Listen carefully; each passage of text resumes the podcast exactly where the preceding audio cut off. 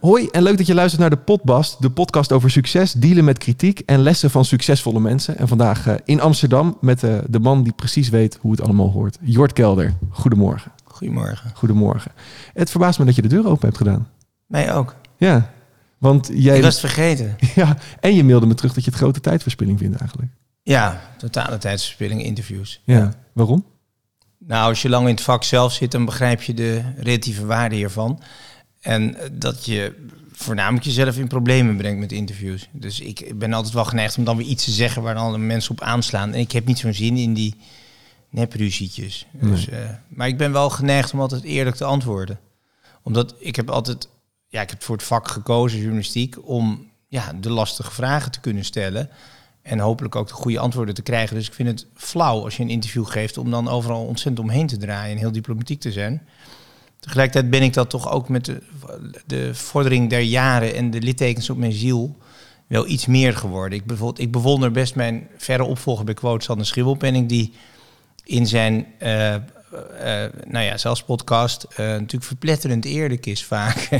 die heeft ook veel reparatiewerkzaamheden daarna altijd. Volledige naam. Jort Paul Wouter Kelder. Leeftijd. Daar lieg ik over. Beroep. Een journalist toch wel. Bekend van. van mezelf. Verliefd, verloofd of getrouwd. Geen van allen. Aan deze bijnaam heb ik echt een hekel. Mijn achternaam is weinig elegant, Kelder.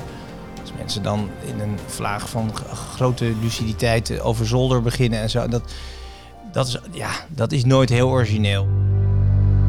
Je bent veel, maar in basis journalist. Wat was het allereerste verhaal wat je ooit maakte? Nou, de opstelletjes natuurlijk in de, voor de, voor, voor in de klas, op de middelbare school, denk ik. Op de lagere school misschien al wel. Uh, schoolkrantjes, niet heel veel. Later, toen ik lid was van de JOVD, uh, stukjes gaan schrijven voor hun blaadje, landelijk, dat heette de Driemaster toen. Ik weet niet of het nog bestaat eigenlijk. Daar heb ik mij echt wel uh, in bekwaamd toen. En toen wist ik ook wel wat ik wilde worden. Ja. Maar dat allereerste stukje wat je op school schreef, weet je nog waar het over ging? Nee, nee, geen idee. Ik denk dat het gênant was. Ik weet wel dat ik een leraar Nederlands had die mij te rechts vond. Dat is niet zo bijzonder, denk ik. In die tijd, dat was de jaren tachtig. En ik geloof dat ik zo'n soort Oost-West, uh, West-Best artikel had geschreven of zo. En dat vond uh, deze PvdA-stemmer natuurlijk niet kunnen. Nee. Dat is althans de perceptie die ik heb. Misschien vond hij het wel geestig. Ik weet niet of het heel goed geschreven was. Ik geloof dat ik maar een zeventje voor Nederlands had. Um, dus zijn beoordelingsvermogen was in ieder geval niet heel sterk. Zo arrogant ben ik ook wel weer. Ja? Om... Nou, weet je, de computer heeft mij wel gered. Um, ik heb natuurlijk nog op school gezeten toen je met de hand schreef. Mhm. Dan moet je zuinig zijn op iedere zin. En die computer geeft natuurlijk toch de mogelijkheid om te slijpen. En ik ben een slijper. Ik, ik kan niet in één keer de zinnen laten dansen. Daar heb ik echt even een tweede kans voor nodig. Dus je, je kwakt je tekst erop eigenlijk, een beetje oneerbiedig gezegd, en dan ga je daarna nou, slijpen. En... Wat, het moeilijkste in mijn vak, kijk, ik ben in essentie ben ik een stukje schrijver. Maar als je een feature, hè, dus een groot verhaal schrijft, laten we zeggen 2, 3, 4000 woorden, dan moet je eerst een structuur bouwen, dan moet je een verhaal maken. En daarna, als, die, als dat boompje staat, ga je de, de, de dennenappels erin hangen. Dan ga je hem pas optuigen. Dus ik, heb daar, ik ben een uitzonderlijk trage schrijver. En tot, tot ik aan schrijven, voor ik aan schrijven toekom, duurt ook lang. Maar dat komt ook omdat ik fundamenteel lui ben. En uiteindelijk heeft het je wel ver gebracht, het fundamenteel lui zijn. Laten we eens even luisteren naar wat je allemaal gedaan hebt. Jort Paul Wouter Kelder wordt op 22 september 1964 geboren in Gouda en hij groeit op in Oud-Beierland. Na zijn VWO gaat hij Nederlands recht aan de Universiteit Utrecht studeren en tijdens zijn studie sluit hij zich ook aan bij de JOVD, waar hij voor het Verenigingsblad schrijft. Jort solliciteert bij NRC, maar wordt niet aangenomen omdat hij zich te zelfverzekerd gedraagt. Niet veel later klopt hij dan ook aan bij het dan nog kleine quote. Hij begint als stagiair, maar groeit al snel door en op zijn 28ste is hij de nieuwe hoofdredacteur. Zowel de quote als het aanzien van Jort groeien in de jaren die volgen. De oplage van het blad verdubbelt bijna. De quote 500 wordt geïntroduceerd. Jort wint verschillende prijzen en wordt een graag geziene gast op radio en tv. Als de quote 13 jaar later wordt verkocht aan een Franse uitgever, stopt Jort als hoofdredacteur. Maar dit is niet het eind van zijn carrière. Hij schrijft boeken en columns, krijgt zijn eigen kledinglijn en presenteert veel radio- en tv-programma's. Suède schoenen, een oude jagersbroek van gewassen of van gekookte katoen moet ik zeggen. En een autohorloge natuurlijk, een erfstuk. Hoe kan het ook anders? De vraag is, hoe heurt het eigenlijk volgens de oude Friese adel? Waar Jort is gebeurd wat, want hij is niet schuw voor een relletje. Zo krijgt hij een kort geding van Bram Moskovic nadat hij hem een maffiamaatje noemt. Veroorzaakt hij ophef als hij zegt dat de economie in coronatijd plat ligt omdat we 80-plussers die te dik zijn en gerookt hebben aan het redden zijn. En staat het land op zijn kop als bekend wordt dat Jort het racisme-debat presenteert. Maar voor er iets over de inhoud, de opzet of de gasten bekend was, besloten activisten dat een witte presentator op deze plek ongepast is. Voor iemand die naar eigen zeggen geen carrièremaker is, heeft hij een indrukwekkend cv. Voor de buitenwereld dan. Want volgens Jort is trots zijn op je prestaties iets kinderachtigs. Nou, kijk aan. Je zei wat een lang verhaal. Ja. Dat, ja, je kan moeilijk alle artikeltjes die ik heb geschreven gaan opnoemen. Ehm, nee, dat, het was volgens mij redelijk feitelijk wel. Ja. Boring. Ja? Ja, ik ben daar en daar geboren. eh, Die ouders heb daar. Ik heb inderdaad in die, in dat, in die afschuwelijke Hoekse Waard op school gezeten. Dus mijn, mijn ouders komen uit het Gooi, maar mijn vader werkte in de scheepvaartwereld. En vanwege de files verhuisde hij naar Zuid-Holland en dan onder Rotterdam, want daar waren geen files. En dat is een, een raar gebied, de, de worst of all worlds zou ik zeggen. Dat is een soort kleiig geheel van SGP-boeren en Rotterdamse egalitaire import. Mhm. En eh, ik paste daar eigenlijk helemaal niet. Nee. Maar wat ik eigenlijk interessant vond ook was dat jij hebt gezegd dat trots zijn op je werk iets kinderachtigs heeft. Nee, het is meer iets. Ik ben te Calvinistisch en te zelfkritisch om te gaan zitten opscheppen. Ik ben Donald Trump niet. Dus ik zal niet snel trots zijn op wat ik gedaan heb. Nee. Nee. Er is wel eens een zinnetje dat aardig loopt. Er is wel eens een. dus ik kijk wel eens iets, heel soms iets terug van hoe heurt het eigenlijk. Mhm. En dan zitten er toch wel hele eh, aardige scènes tussen. Vooral door de mensen die je ontmoet en gebeuren, dingen die dan gebeuren. Maar ja, trots. Ja. Nee. Kijk, trots is het uiteindelijk, eh, wat heb je daaraan? Om op je, heel erg trots op jezelf te zijn. Wat, wat helpt je? Dat helpt je nou. Kijk, eh, frustratie en achterstelling is het vuur achter je carrière natuurlijk, waardoor je verder wil, waardoor je meer wil doen. Als je heel te trots gaat zitten zijn, word je natuurlijk lethargisch en doe je niets meer. Ik ben wel trots op Harry, mijn kat, die hier nu onder mij zit. Die zich dat een buitengewoon intellectuele kat heeft ontwikkeld. Ja, wat maakt hem intellectueel? Harry snapt alles. Alleen hij zegt niks. Het komt later als zijn memoires uitkomen. dan zullen we dat allemaal gaan lezen. Frank, doe een beetje met ge- geen geluid maken. Is mijn glazenwasser. Wacht even. Ja, dat kan- ja hij zegt, wat bedoel je? Ehm, Ondertussen worden de ja, nee, glazen van Jort gelakt. Komt u maar. Ondertussen is de, de glazen was er binnengelaten. Ja, Ja. moet ook gebeuren. ja. Maar je zei dus eh achterstelling en furoren, dat is zeg maar hetgene wat de drive is voor Ah, succes. Ik, heb, ik heb niet zoveel frustratie of. eh, ik weet ook wel dat het niet allemaal niet per se een mislukking is geworden in mijn leven. Nee. Maar tegenwoordig heb je wat ik hoor hoor. Ja. Ik kan er ook niet zo over oordelen, want ik heb zelf geen kinderen. En Nee. Ik kom dus ook niet op schoolpleinen. Maar tegenwoordig heb je natuurlijk toch wel een generatie prins en prinsesjes. Mhm. Nou, wij waren thuis niet drie prinsen. Nee. Nee, het waren gewoon drie jongetjes die een beetje ruzie maakten en sporten en eh, competitief waren, denk ik. Ja. Ik denk dat dat bij de meeste Nederlandse gezinnen zo is nog steeds wel. Alleen als je die, ja, enigst kinderen, je hoort het ook van China bijvoorbeeld, dat die zijn, ja, die zijn eh, zeker met, met eerste generatie geldouders vaak gewoon niet te harde. Nee. Dat is een van de dingen die ik ook geleerd heb in, de, in het, nou ja, die reportage in de oud-geldwereld, in de adellijke wereld. Waar ze toch wel hechten aan, ja, ken je plaats. Weet waar je in een lange traditie, in een stamboom staat. Dat je een schakeltje bent in een veel groter verhaal. Ja. En dat het niet allemaal je persoonlijke verdienst is. En dat je duty, dat je je moet inzetten. Maar dat, dat jij niet een soort uitverkorene bent of Nee. zo. Ik ben een kind van de jaren 70 en 80. Maar de kinderen van de jaren 90 zijn natuurlijk... En begin deze eeuw zijn natuurlijk toch wel rijker weer opgevoed. Het Ja. is gewoon wel weer 20, 30 procent rijker dan in mijn tijd. En Ja. ja. bij ons was er misschien ook wel eens een keer een autootje of een... eh, wij gingen ook wel skiën of vakanties Mhm. en dat soort natuurlijk wel. Maar ze zijn nu veel rijker. Eh, kinderen die huizen van hun ouders cadeau kregen. Ja. Ja, dat, dat, dat, dat geeft je natuurlijk nooit het gevoel dat je ergens zelf voor hebt hoeven vechten. Ja. En als je een, een grote ondernemer zou willen worden, moet je natuurlijk altijd onderaan beginnen. En dat hele veiligheidsnet van als het misgaat, betaalt papi wel. Ja. Ja, dat zie je dus bij heel veel van die start-ups ook gebeuren. Dat is niet goed, Nee. denk ik. En hoe, hoe, hoe uitzicht dat? Dat ze geen risico's durven nemen of te veel juist? Ja, ik denk dat laatste. Ik denk eerder dat ze, als je niet hebt hoeven vechten voor ieder dubbeltje, dan geef je het natuurlijk misschien ook een beetje te makkelijk uit. Ja. En dan investeer je dus te te, te driest. Heb jij moeten vechten voor ieder dubbeltje? Nee, ik vind ergens dat het me redelijk is aankomen waaien. Ja. Ik, kom gewoon, ik ben gewoon een kind van de middenklasse. Mijn vader had best wel een goede baan. Goed betaald, maar niet, niet rijk of zo. En ehm, ons ontbrak het helemaal aan niks. Eh, maar niet, eh, ik kreeg inderdaad niet een Porsche Boxster. Daar ben ik nog steeds boos over. Het model bestond ook nog niet in die tijd. Nee. Kon ook niet hoor, dat geld was er helemaal niet. Maar, maar het is meer dat... Ik hoorde bijvoorbeeld wel van mijn neefjes die, die in het gooi zijn opgegroeid. Dus de, de kinderen van mijn oudste broer. Ja, dat op een gegeven moment daar een soort discussie was van... Wij zijn nu de enige in de klas die geen zwembad hebben. Ja. Dat is natuurlijk ook best zielig. Ja. Dat vind ik ook. Dat is ook wel. Ik snap ook niet dat de politiek daar niet wat meer aandacht voor heeft. Dat er ook dat soort achterstandsgroepen zijn. Ik had jou uitgenodigd voor deze podcast en jij stuurde me terug van, joh, weet je, het is voor mij een beetje tijdverspilling, wat ik net, eh, waar we het net over hadden. En toen had je onderaan gezegd, ehm, denk er nog eens over na, een beetje vaderlijk toespreken, maar laat het eens tot je komen. En eigenlijk was de vraag van, nodig me op een iets creatievere manier uit. Ja, ik vond het saai hoe je Ja. me uitnodigde. Dus Ja. dat niet een.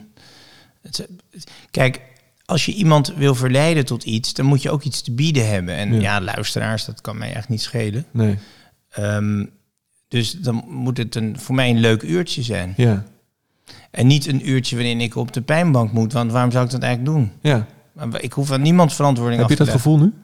Helemaal niet. Nee. Maar, maar het is meer dat ik vind interview. Kijk, als je bekend bent, laten we eerlijk zijn. Mhm. Ehm, voor jou is er niets lekkerder dan dat ik mij nogal eh, ruig uitlaat over deze en gene. eh, dat ik eh, allerlei types de maat ga nemen. Ja. Dat kan ik doen. Of dat terecht zou zijn, is even iets anders. Maar dat, dat is natuurlijk het fijnste voor een interview. Dat heb ik zelf natuurlijk ook vaak gehad. Ja. En dan zit je natuurlijk eigenlijk stiekem handen wrijvend. Ja. Dat laat je niet merken. Nee. Dan moet je stoïcijns bij kijken. Maar dan laat je iemand natuurlijk compleet leeglopen. Dus ik ben in potentie een zandzak die leegloopt. En da- dat, dat moet ik mijzelf gewoon helemaal niet aandoen. Nee. Ook omdat ik, en dat zeg ik wel eerlijk, ik ben toch in de loop der jaren wel milder geworden. Ze zeggen altijd als je ouder wordt, word je milder. Mhm. Ik denk dat wel zo is. Het is meer, belangrijker is dat omdat ik zelf bekend ben geworden. Dus niet aan die kant van de microfoon alleen zat, Ja. maar ook aan de geïnterviewde kant.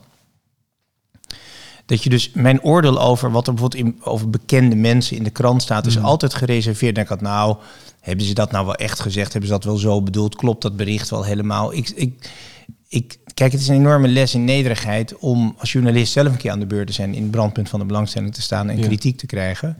En dat is ook heel gezond. Maar wat heb je daarvan geleerd? Want je, je- op een gegeven moment werd je bekend, je zat bij Quote, je was de hoofdredacteur, je werd ineens gevraagd op de tv en bij de radio. Nou, je wordt er vooral verlegener van. Als je al die ogen op je gericht krijgt. Dat is, dat is, nou ja, dat, ik weet niet of mij dat zo heel erg goed ligt hoor. Nee. Dat mensen denken omdat ik zo'n enorme exhibitionist ben of zo. Maar dat is denk ik toch niet waar. Nee.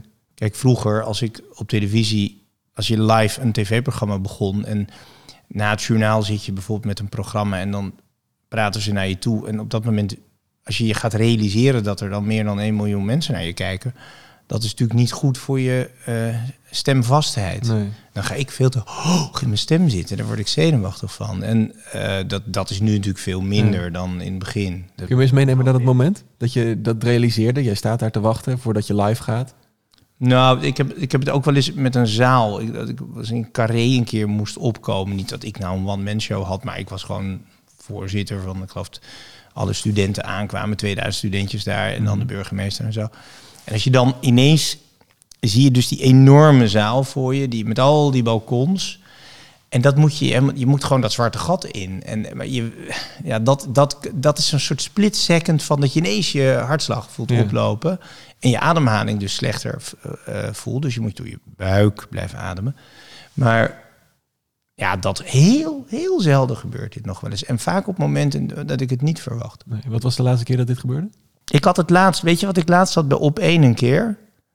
Ehm, dat ik zo'n visioen dat je moet die autocues, je hebt een paar van die verbindende tekstjes, autocue, eh, om, om een soort structuur in het programma te houden. Speakbriefje noemen we dat, maar ik ben daar niet goed in. Dat kun je ook wel zien en horen. Maar dat ik dus vlak voordat het, weet je, die, die opnameleider telt af 5, 4, 3, 2, die en dan moet je erin, dan ben je live, dan ben je in beeld. Dat ik dus in die vijf seconden daarvoor allemaal hele woeste visioenen krijg. Dat ik alles van tafel ga gooien. Of dat ik iets, eh, dat ik een vreselijke schade ga aanrichten. En dat gaat dan zo in mijn hoofd zitten. Maar dat ik dan bijna vergeet om mijn tekst te starten. Nou, als die twee dingen met elkaar gaan strijden. dan eh, moet je als kijker thuis ook een beetje onrustig worden. Want er gebeuren te gekke dingen. Het is nog nooit echt uit de hand eh, gelopen. Maar ik heb ook wel eens tijdens interviews live dat ik aan hele andere dingen zit te denken. Stel je voor, wij gaan nu vechten aan tafel of zo. We gaan nu slaan. Dus hij gaat mij nu slaan. Ik ga nu iets zeggen, hij slaat in. Wat doe ik dan? Dat het echt een vechtpartij. Nee, dat soort dingen heb ik heel soms. Heb ik eens in de tiende uitzending heb ik zo'n moment, denk ik. En moet je je voorstellen dat dat, dat, dat wat, wat voor tv-moment zou dat zijn? Dat er gewoon een, studio in een vechtende kluwe eindigt. Maar daar moet je natuurlijk niet te veel aan denken. En, ehm, eh, maar dat komt eigenlijk omdat ik dan vind dat het gesprek te langzaam gaat. Maar hoe, hoe ga je daarmee om op zo'n moment? Want dan, dan Nou gaat ja, hoe ga je hoofd. ermee om? Je gaat gewoon door, maar Ja. je probeert die gedachten weer even weg te halen. Dan neem ik even een slokje en dan kijk ik iemand aan en dan ga ik weer iets anders doen. Maar je ziet mij dan wel een beetje draaien met mijn ogen. Dus, je kan, Als je goed kijkt, als je me goed zou kennen, dan zie je het moment. dus als ik nu op één ga kijken en ik zie jou een beetje draaien met je ogen, dan denk ik, oh, dan hij, hij is met iets anders bezig. ja. hij verwacht dat de gast hem in Ja. elkaar gaat slaan. ja, en ik heb onrustige ogen sowieso. Dus ik kijk altijd enorm. Als ik close ben, dan zie je mij alle kanten op. Waarom iedereen ook altijd denkt dat ik aan de kook ben. Ik zeg altijd, jongens, hooguit een gram per dag. Maar ook echt geen grammetje meer dan, hè? Maar dat theater waar je net zei, je, je staat daar in je spanning, in je hoge adem. Hoe, hoe deal je daar op zo'n moment mee? Want dan kan je wel natuurlijk zeggen van, joh, ik ga gewoon. Misschien is dat... Ja, je wordt toch door je ervaring gered, Ja. denk ik. Je gaat gewoon. Ja. De eerste zin is altijd de moeilijkste. Ja. En, en als je geen contact met die zalen legt of het, of, het, of het verpest in de eerste paar zinnen, dan, dan is het ontzettend moeilijk terugvechten. Dat zal iedereen die podiumdingen doet herkennen. Ik, ik kan me ook voorstellen als je. Ik ben uiteraard geen zanger, maar je bent zanger of je bent eh, nou ja, muzikant. Dat je dus de eerste zin inzet en meteen enorm vals begint of zo. Dat, dat, nou ja, dat, Ja. dat heb ik natuurlijk verbaal. Ja. En eerlijk gezegd ben ik toch een beetje te. eh, ik- ik kan één, ik kan niet zo goed tegen die protocolaire, tegen die officiële momenten. Daarom ben ik ook moeilijk met, met autocue en zo. Dan ga ik toch een beetje raar doen. Dus die, ik ben vrij slecht in de eerste zin. Maar in Nederland heb ik wel geleerd wat je bijvoorbeeld moet doen in dit land. Mhm. Dat zal in Amerika anders zijn. Is om te beginnen jezelf een beetje voor gek zetten. Daar houden Nederlanders van. Jij bent ook maar een eenvoudige boerenlul Ja. die hier nu op dat podium hun belangrijk staat te doen. Ehm, dat, dat ontspant, want dan ben je one of them ineens. Dus eigenlijk voor iedereen die gespannen is, joh, ga niet te hoog in die spanning zitten op zo'n moment, maar maak een grapje erover. Of, Kijk, volgens mij is goede voorbereiding wel belangrijk, want dan kun je altijd terugvallen in je schema's, in je hoofd, in je, je, je Mhm. houvast die je hebt. Dus dat je ongeveer weet wat je gaat doen. Ik leer nooit iets uit mijn hoofd hoor, maar ik weet ongeveer waar ik naartoe ga. Ehm, ja, en ik kan op dit punt kan ik toch maar één ding zeggen. Dit is gewoon doen, doen, doen, doen. En Ja. door de angst heen. Ja. En, en dan ga je het op een gegeven moment ook wel leuk vinden. Als het tenminste je enigszins ligt. Kijk, als die helemaal niet ligt. Ik weet niet of Willem-Alexander, onze koning, speech echt ooit heel erg leuk gaat vinden. nee. Ik ben bang van niet. Is het wel eens helemaal misgegaan? Dat je daar op dat podium stond en dacht, nou, ik kom hier, niet, ik kom hier echt niet meer uit? Er zijn wel rare dingen gebeurd. Hoor. Ik weet nog dat ik een keer... Ik had een wat eh, stormachtige knipperlichtrelatie. Ja, we hebben het over een jaar of twintig geleden. Ehm, met, een, met een jonge dame. En, nogal... Ja, dat was wel een brok dynamiet in mijn handen, deze juffrouw. En ehm, eh, nou ja, ik, had, ik moest... En toen had ik nog helemaal niet zoveel van die grote zalen gedaan. En een of andere gala aan elkaar praten in de reclamewereld. Maar ze, er was zo'n ruzie ontstaan net daarvoor. Ik begon niet meer waarover. Maar dat ik zoveel te laat op die afspraak kwam... dat ik me bijvoorbeeld helemaal niet meer kon verkleden. Dus waar ik eigenlijk in een black tie zou moeten staan... kwam ik gewoon in een, niet eens in een pak... maar gewoon in een kloffie, in een, in een casual kloffie. Nog wel net wel met brutels. Dus wel herkenbaar Jort nog. Ja. Maar, ehm, en ik had ook helemaal het draaiboek niet meer, mijn kaartjes, alles was weg. En daar stond ik. Maar ik had, nu zou ik dat op kunnen vangen. Ik zou het namelijk nu ook gewoon gezegd hebben. Ja. jongens, luister, ik heb een beetje last met mijn vriendin.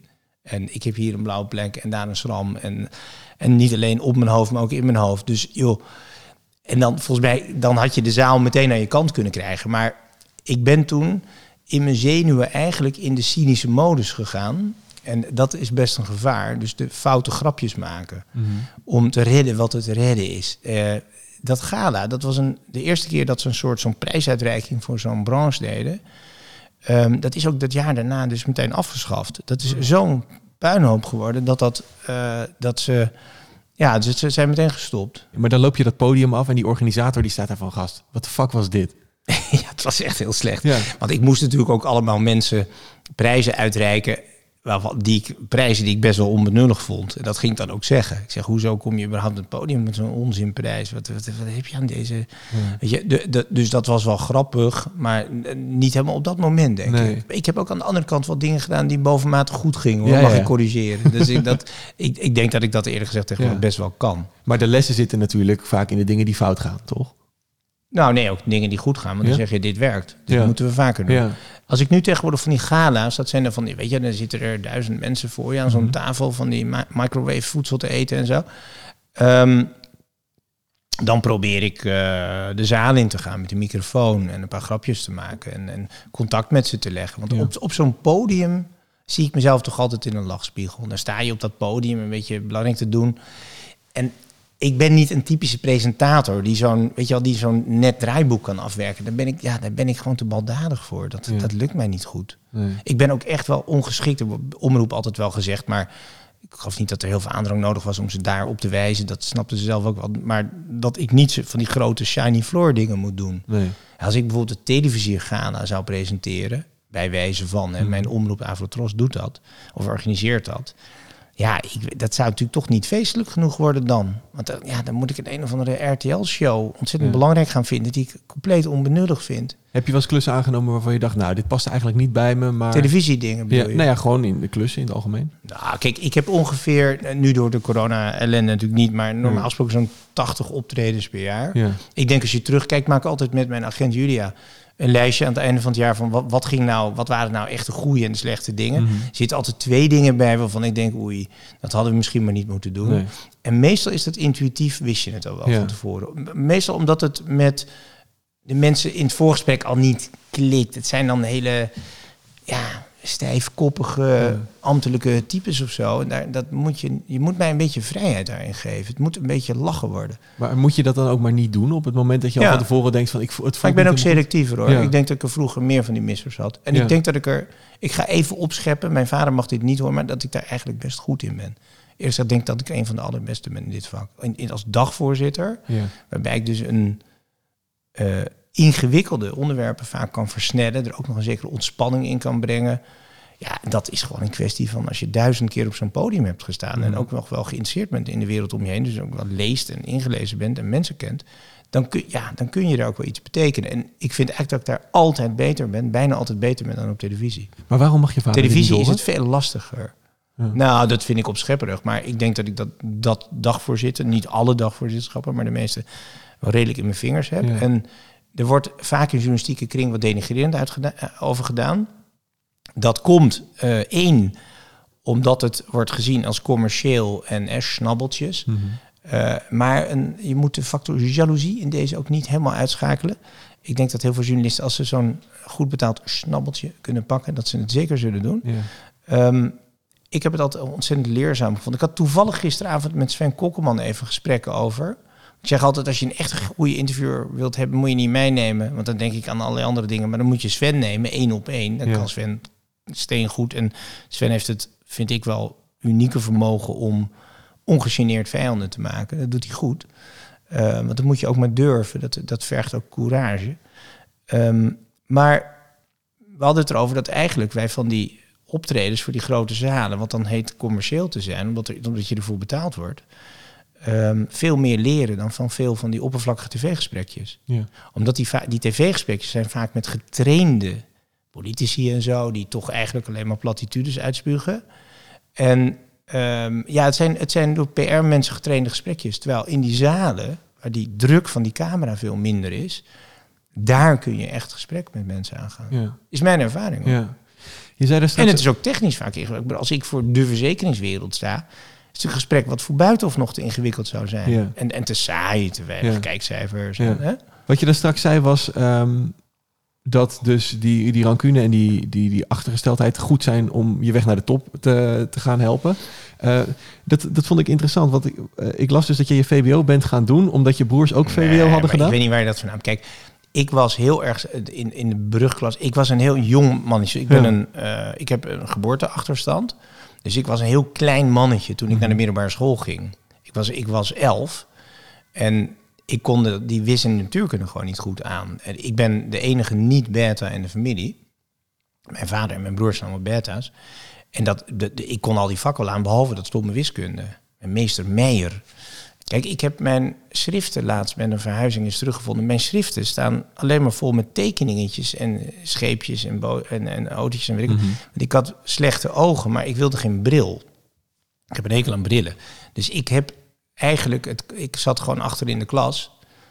Ehm, behalve bij de lessen waar de leraar zei, ga jij maar vast bij de deur, dan ben je snel buiten. Maar dat hadden, hadden we er ook een paar van. Maar ehm, ik heb nooit eh, de lessen gevolgd. Nee. Ik heb nooit naar het bord kunnen kijken. Ik heb er gewoon andere eigen dingetjes gedaan. Dat Ja. helpt natuurlijk ook niet echt met cijfers halen. Nee, want hoe waren je cijfers? Hoe was je rapport? Nou, zeventjes hier en daar, een acht of een negen, maar zeventjes eigenlijk. Hè. Zeventjes klinkt bijna denigrerend. Maar dat is het ook. Ja? Ja, Is niet nee, goed het was niet. Nee, zeventjes en eh, dat is dat is de worst. Je kan beter een drie halen dan een zeven, lijkt mij. Ja? Toch? Ja, vind ik wel. Nee, maar ik had wel op een gegeven moment een vier voor wiskunde. Dat was, en dat was natuurlijk echt wel een killer.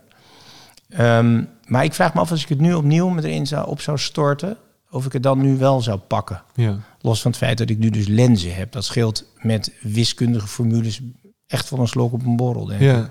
Maar op je 28ste in één keer hoofdredacteur dan. Hoe is dat? Ja, in die inleiding had je even aangehaald dat ik bij de NRC eh, solliciteerde eh, onverrichterzaken. Ja. En de NRC had daar ontzettend gelijk in. Ehm, ik was gewoon te jong daarvoor. Ja. Te, te wispelturig, te weinig eh, doordacht. Ja. En ik denk dat ik wel aardig kon schrijven. Ik werd uitgenodigd voor een gesprek.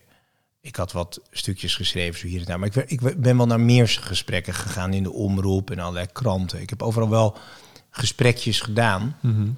Eh, maar ik wilde eigenlijk parlementair verslaggever worden.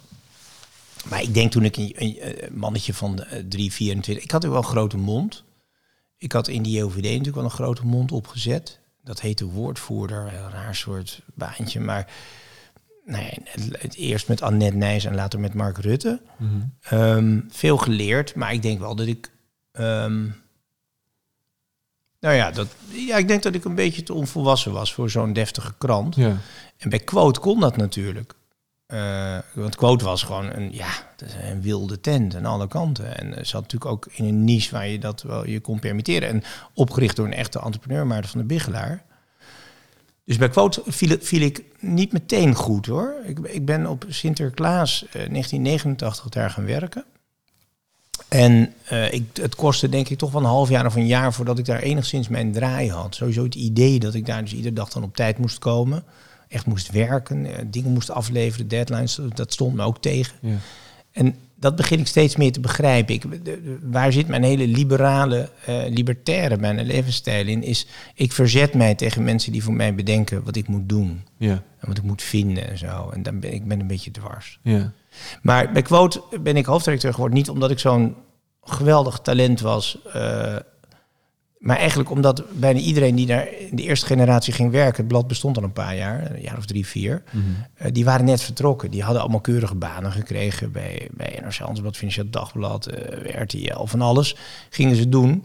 Volkskrant een aantal. Ehm, en toen was er niemand meer. En toen was er een hoofddirecteur nodig. En toen zei Van de Bigelaar... nou ja, doe jij het dan maar. Bij gebrek aan beter. Eigenlijk wel, denk Ja. ik wel. En die zag wel een zeker talent in mij, maar dat had ik niet laten zien nog. Ik, ik had toen een paar jaar stukjes geschreven.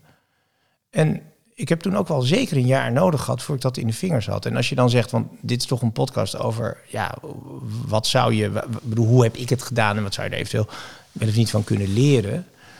Ik heb wel altijd, ehm, ik heb wel altijd hoog ingezet in de zin van, mensen die zo in zo'n politieke organisatie kunnen functioneren, die de hele tijd aan de rekening houden zijn met alles en nog wat, waardoor je altijd die zeventjes krijgt.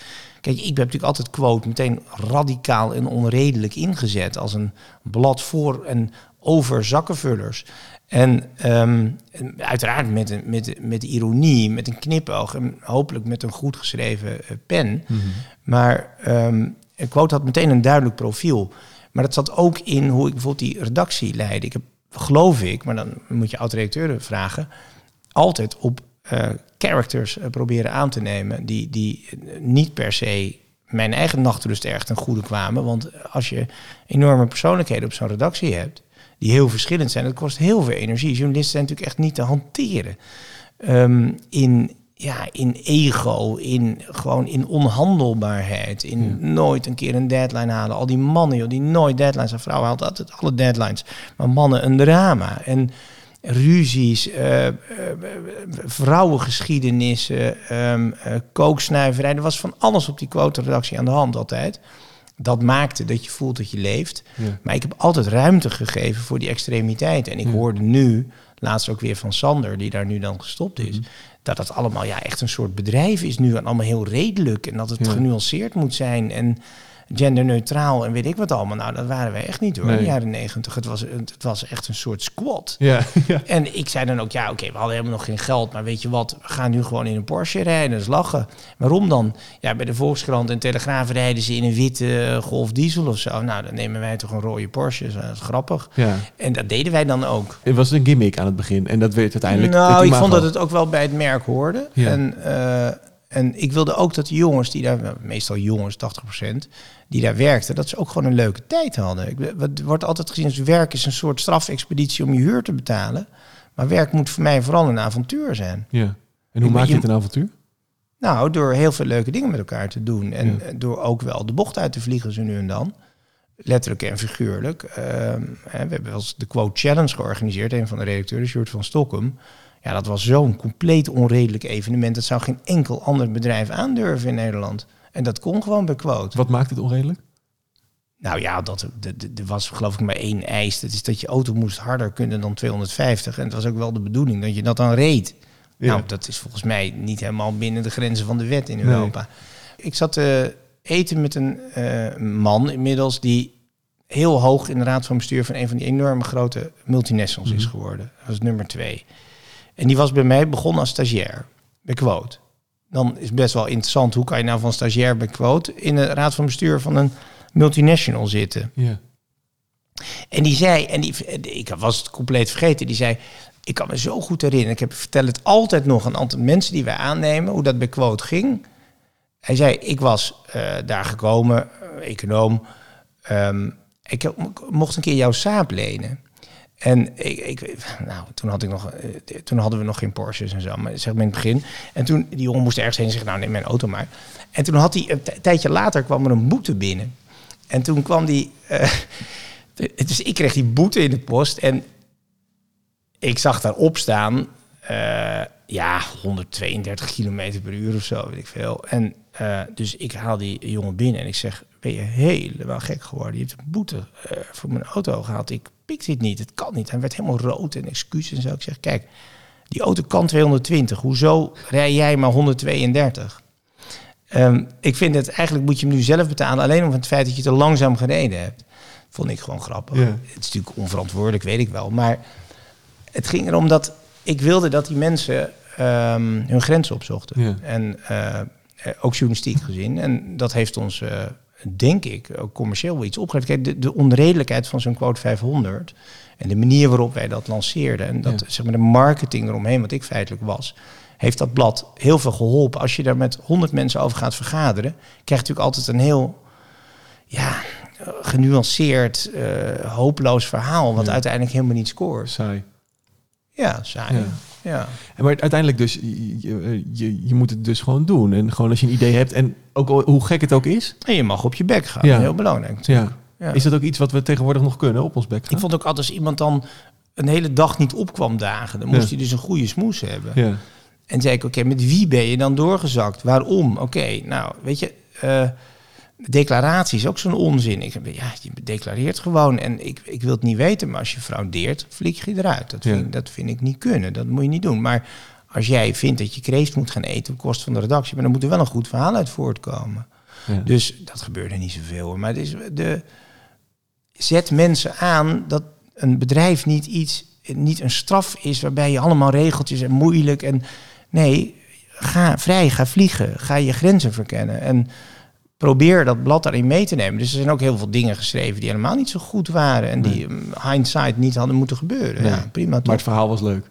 Nou ja, maar zo maak je een merk. Ja. Wees eigen, Ja. wees autonoom. Trek je helemaal niets aan van wat de buitenwereld van je vindt. Nee. Niets. Maar dat is, wel, dat is wel een lastig iets. Want tegenwoordig, als je wil groeien, ook als mediamaker, dan Moet iedereen je leuk vinden. Maar het lijkt tegenwoordig wel zo, want één verkeerde opmerking en je, je wordt gecanceld.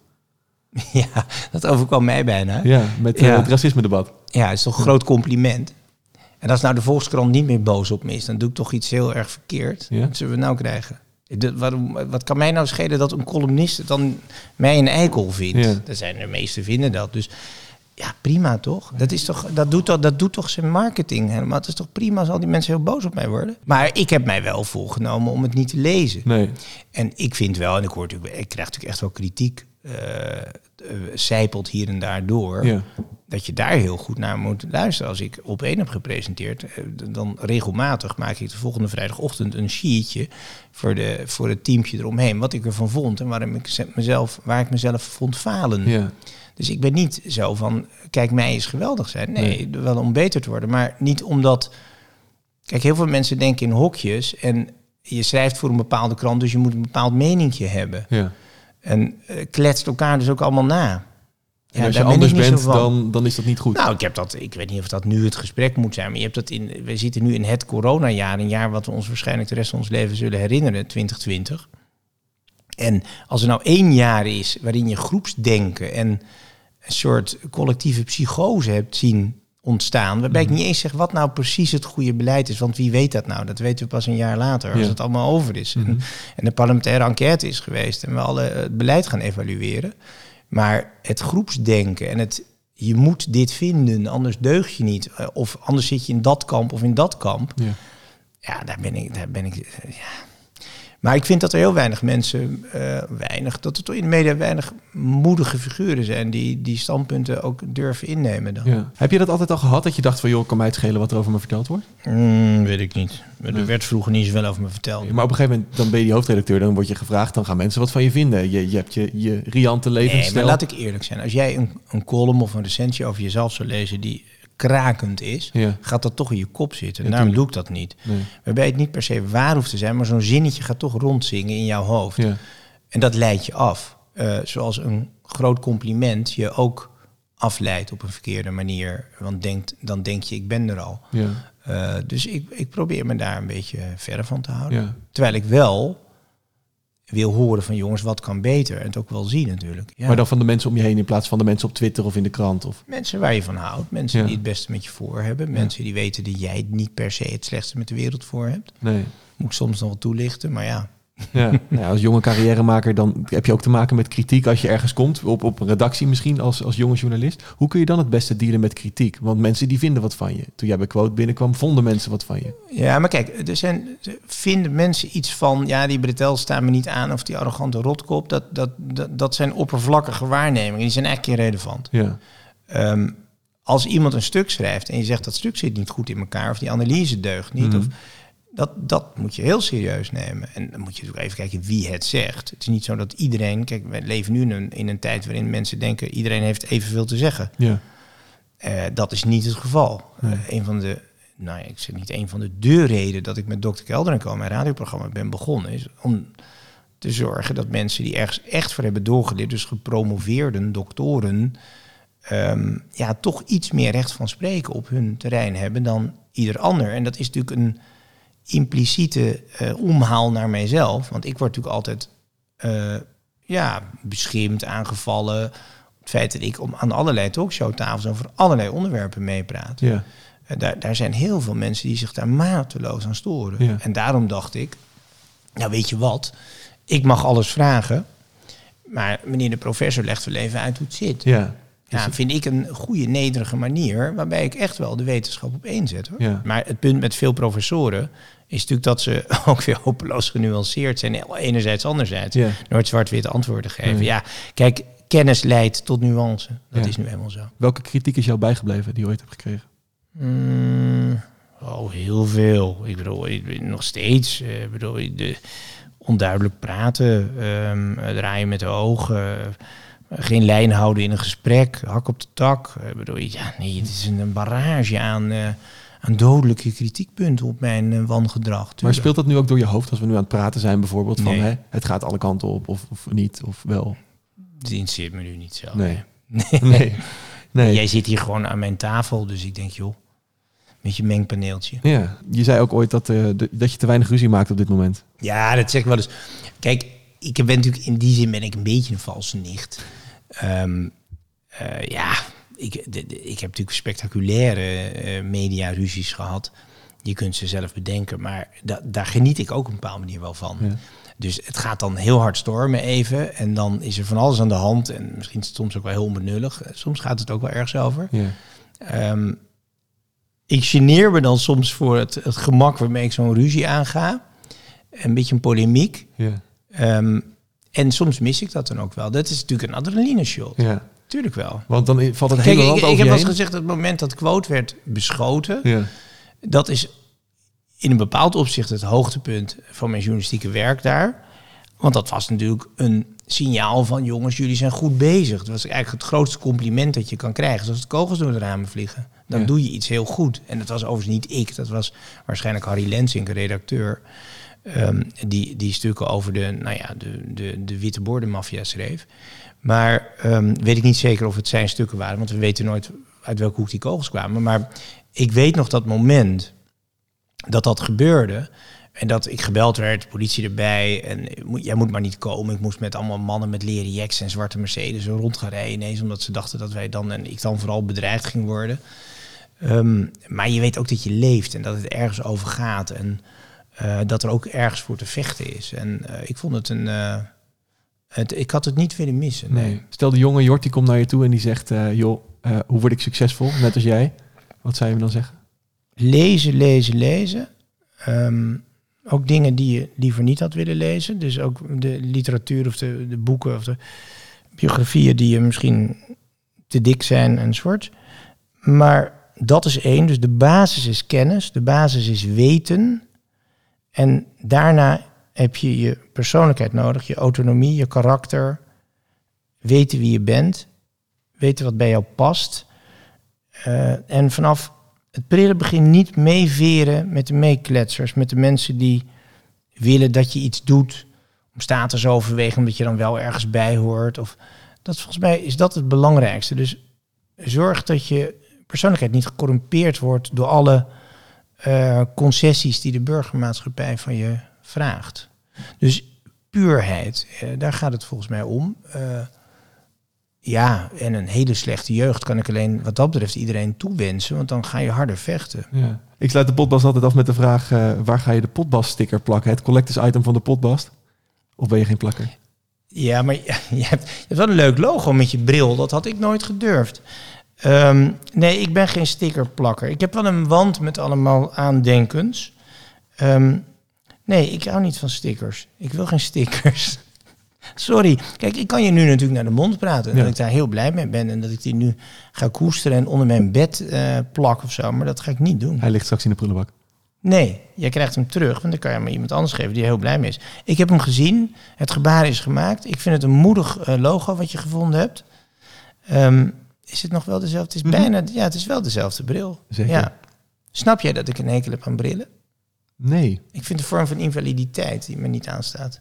Je, je vindt een bril een vorm van... Nou, jij hebt een hulpstuk nodig om Ja. mij te zien. Ik vind het iets, het iets afhankelijks. Ik kan niet tegen afhankelijkheid. Dus je bent afhankelijk van dat, van dat apparaat op je neus. Ja, maar dat heb je toch met lenzen ook? Dan moet je ja, alleen zeker, zeker. Dat is, ik ben ook niet consequent. Ik ben overigens vorige week wel naar een arts geweest om te kijken of ik geopereerd eh, zal worden. Ja, Om er vanaf te zijn dan. Ja. Ja. Maar de bril eh, zou jij nooit dragen? Absoluut niet. Nee. Maar het komt ook omdat mijn broers brillen hadden en ik Ah. vond het niks. Maar dit was altijd gedond. Nee, maar dat klinkt heel onaardig tegenover jou. Maar het is meer dat Ik heb net geleerd, laat het van je het is afglijden. iets... ehm, je kan het niet helpen. De meeste mensen hebben slechte ogen. Maar ja, het, het- het zit in mij, het zit mij ook in autonomie. Als je, je moet dus die stomme bril op, anders ben je weg. En ik heb het idee, ik heb de suggestie van onafhankelijkheid. Ja. Omdat je mijn lenzen niet ziet zitten. Maar als ik ze niet had aangedaan, dan had ik überhaupt niet eens gezien, ge- ge- gezien wie er tegenover me zat. Nee, en dat, er, dat hij een bril op had. Ja, wat een ontzettend onbelangrijke opmerking van me nu. Sorry. Knip je dit eruit, dit laatste stuk. Dit moet je niet uitzenden. Het is niet, het is niet vriendelijk tegenover jou, maar het is meer dat...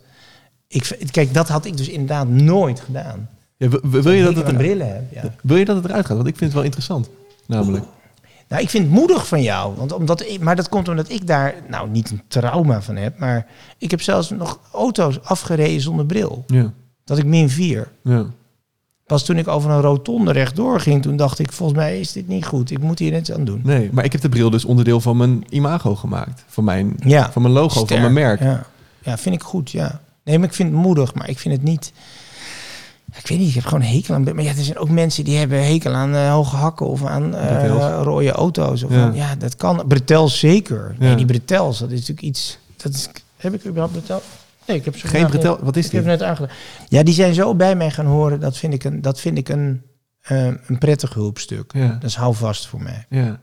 Ik probeerde naar een afronding te gaan, maar we beginnen een heel, heel nieuw verhaal. Was het uiteindelijk tijdverspilling? Ja, denk ik wel. Ja. Ik denk niet dat iemand hier iets aan heeft, nee. Nou, ik heb ervan geleerd, ik ben ervan gegroeid. Dus eh Oké, dat gun ik je van harte. Maar zelftherapie. het is in principe, ja, als het zelftherapie is, dat, dan, en dan heb ik het graag voor jou gedaan. Ja? Jort, dankjewel. Alsjeblieft. Ja, nou wil die Bas dus dat ik een promo ga inspreken. Dat je dit dus allemaal moet luisteren. Omdat je dan een sticker kan eh, winnen als je het op je Instagram gaat delen enzovoort enzovoort. Ja, ik zou dat dus nooit doen. Want dit is, dit is een uur lang allemaal compleet indiscrete vragen die ik wel of niet beantwoord. Nou, dat moet je zelf maar beoordelen. Dus nee, ik hou niet van reclame maken en zeker niet voor mezelf.